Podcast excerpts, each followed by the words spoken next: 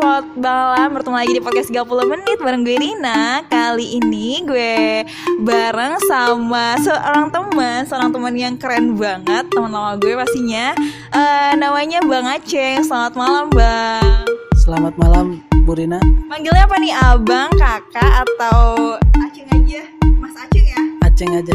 Oh iya, jadi Mas Aceng ini eh, kerjanya Dikenalnya Ahmad. Oh Ahmad. Oh iya yang eh, Tapi kadang Imam Oh ya jadi bisa Aceng bisa gue panggil Ahmad atau Imam ya.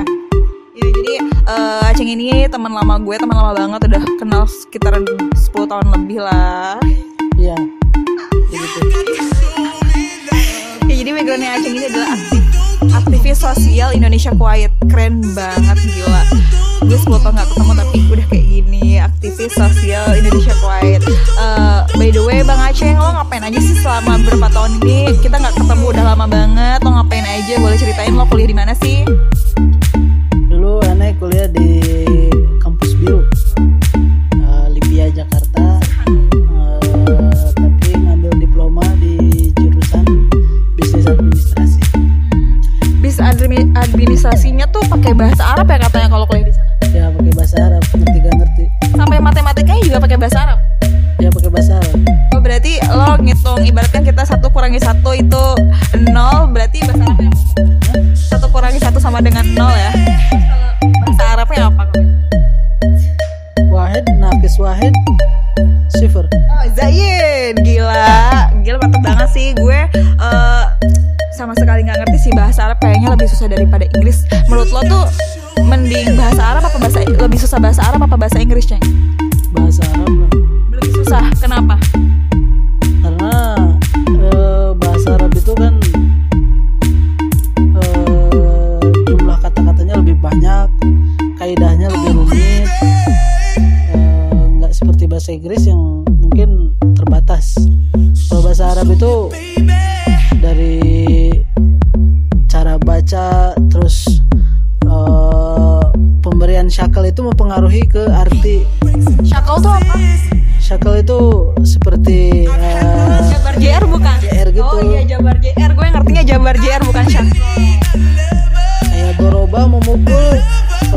Duriba dipukul.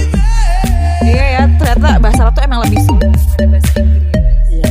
Uh, by the way, Ceng, gue mau nanya dong kan gue lihat nih setiap di postingan lo tuh share tentang tulisan Arab yang kayak bahasa Al-Quran itu kan kayak majalah mungkin ya artikel ibaratkan orang-orang meng-share artikel bahasa Inggris. Nah, uh, lo tuh emang terus-terusan mempelajari bahasa itu emang lo emang lo bener-bener suka dengan bahasa Arab? Ya di sini sih aneh nggak terlalu banyak mempelajari ya. Mungkin kalau untuk eh, keilmuannya, ilmu bahasa Arab dari kaidah-kaidahnya, nahwu sarafnya itu lemah sekali karena nggak belajar.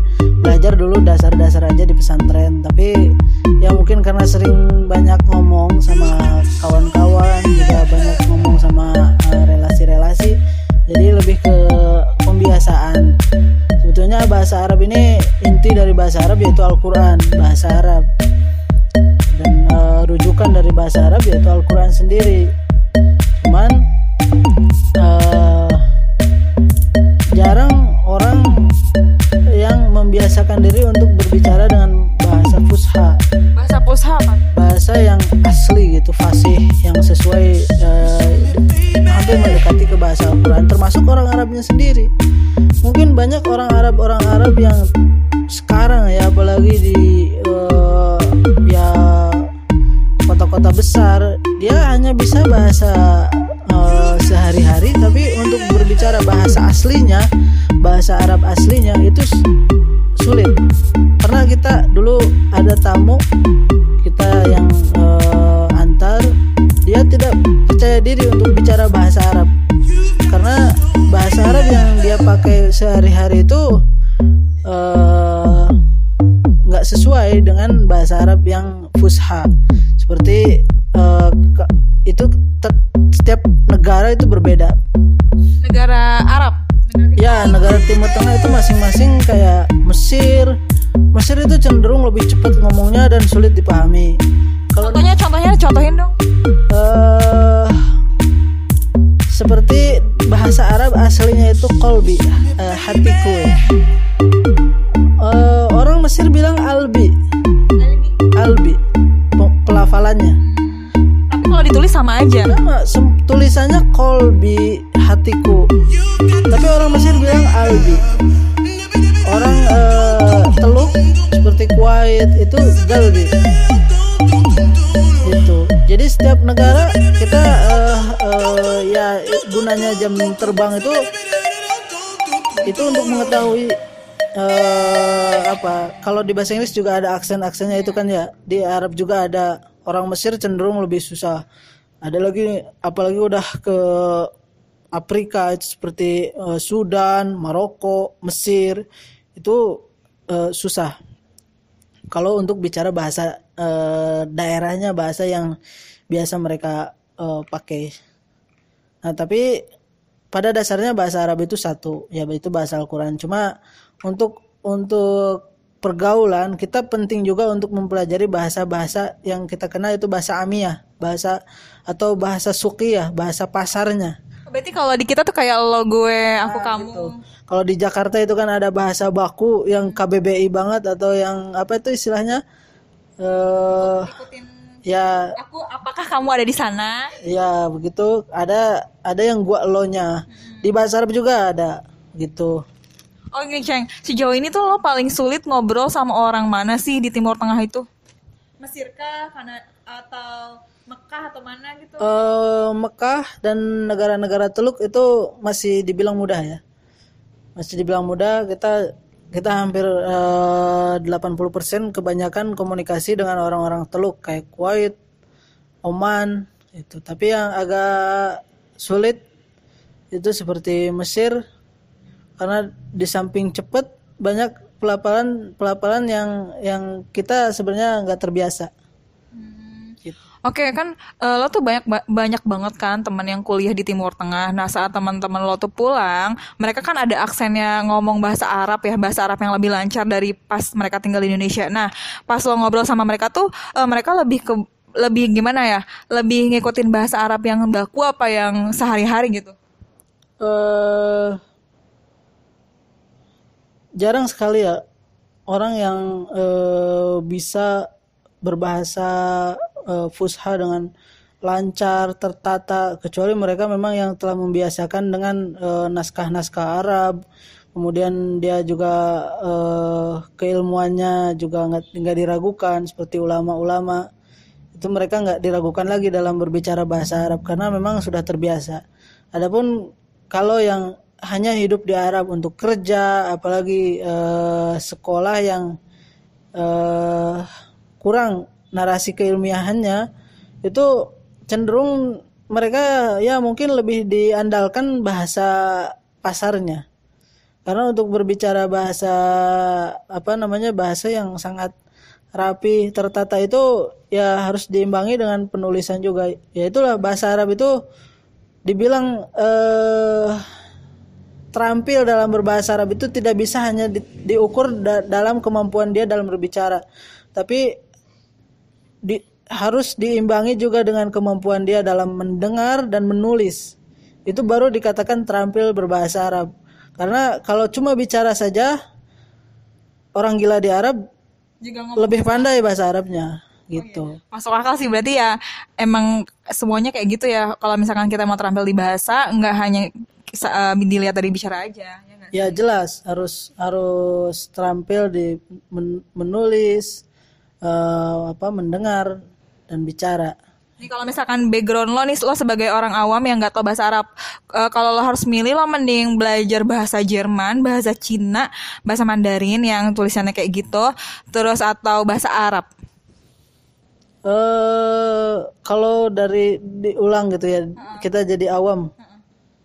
Ya setiap orang milih mana? Setiap orang pasti ada motivasinya kan untuk belajar kita uh, banyak bergaul dengan siapa? Ya kita ya lebih karena orang Islam. Supaya supaya kita uh, bisa memahami ajaran-ajaran uh, agama itu ya di samping belajar ilmu agama sendiri harus memahami bahasa Arab. Hmm Oke, berarti kan kalau misalkan gue nih pengen ba- ba- baca Quran, pengen tahu artinya, gue harus baca Al-Quran ada yang ada terjemahnya. Nah, kalau lo sendiri berarti pas baca Quran langsung emang tahu artinya dong. Eh, Al-Quran sendiri itu karena memang eh, gak ada manusia di bumi ini yang bisa menandingi eh, bahasa Al-Quran karena itu kalamullah. Jadi eh, sulit untuk ditiru karena itu bahasa yang paling sempurna.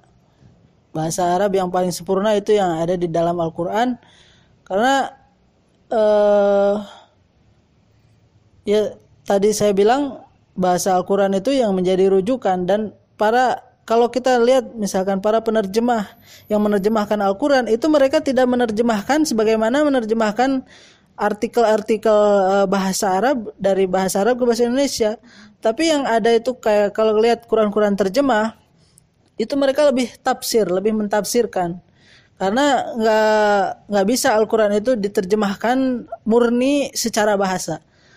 Ada yang ada yang baru bisa di- dipahami artinya setelah memahami hadisnya. Ada yang nggak terpecahkan dalam hadis nanti ada pendapat ulama itu yang mendekati ke artinya apa gitu Oke, I see. Eh, gue mau tanya sih seputar kerjaan lo. Kan kerjaan lo tuh eh, langsung eh, connect sama orang-orang Kuwait. Nah, gue mau tanya sih, eh, apa sih, lo kan sering banget ketemu sama orang Kuwait dari pemerintah atau emang orang Kuwait rakyat biasa. Terus apa sih bedanya dari cara berbahasa Arab mereka? Apakah emang orang government Kuwait sendiri tuh bahasanya baku kah atau tetap yang sukiyah yang tadi lo bilang? Gimana tuh? Eh kalau kita bicara dengan orang Arab cenderung eh kalau ingin bicara dengan mereka menggunakan bahasa-bahasa fusha cenderung yang sering menggunakan bahasa fusha itu mereka orang-orang yang eh, apa namanya terpelajar. Kedua juga eh, tentu para pejabat di lingkungan pemerintahan sana pasti dia eh, membiasakan diri karena seperti di negara kita ada aturan ya untuk memakai bahasa resmi. Jadi kalau kita bicara dengan orang bisnismen atau misalkan eh, cuma aktivis-aktivis biasa itu eh, sulit mendapatkan mereka berbicara bahasa eh, Arab yang fasih yang artinya yang murni bahasa Arab yang murni itu sangat eh, ya mungkin setengah dari mereka baru yang berbicara bahasa Arab murni itu setengahnya lagi mungkin ada juga yang nggak tahu Oh, berarti lo kalau misalkan gue gue minta tolong lo untuk jadi penerjemah bisa banget dong ya penerjemah Indonesia Arab. ya penerjemah itu Beda eh, pertama eh, gimana ya ada penerjemah yang eh, langsung on the spot itu kan. Itu mereka yang udah eh, jam terbang bahasa Arabnya tinggi ya. Yang penerjemah-penerjemah kalau kita lihat di sidang eh, apa sidang isbat itu kan mereka menerjemahkan eh, omongan dari bahasa Indonesia langsung ke bahasa Arab ya, di apa alat itu. Ada juga mereka yang menerjemahkan dari bahasa Arab dari berita itu yang menerjemahkan literal itu susah. Pasti ya kurang lebih lah itu. Kita ya sedikitnya pernah tapi kalau untuk yang resmi-resmi ya belum sampai lah belum kesampaian. Karena tadi itu jam terbangnya masih kurang minimal ya kita harus tinggal di sana.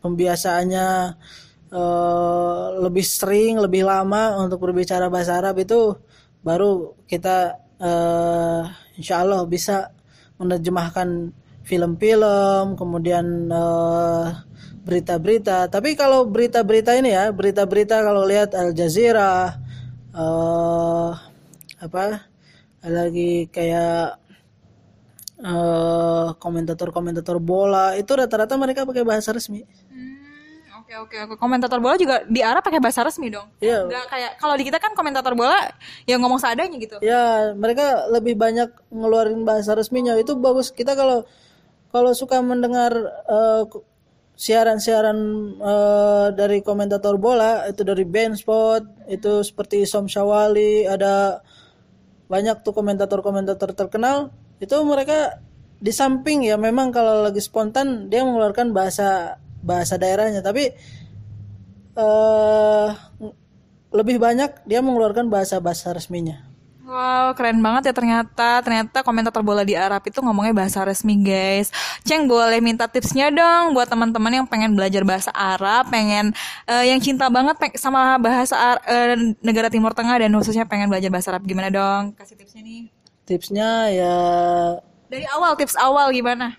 tipsnya tingkatkan motivasi untuk belajar bahasa Arab ini karena mungkin ada orang yang bicara belajarlah bahasa Inggris supaya dia bisa memahami Dunia. bahasa manusia.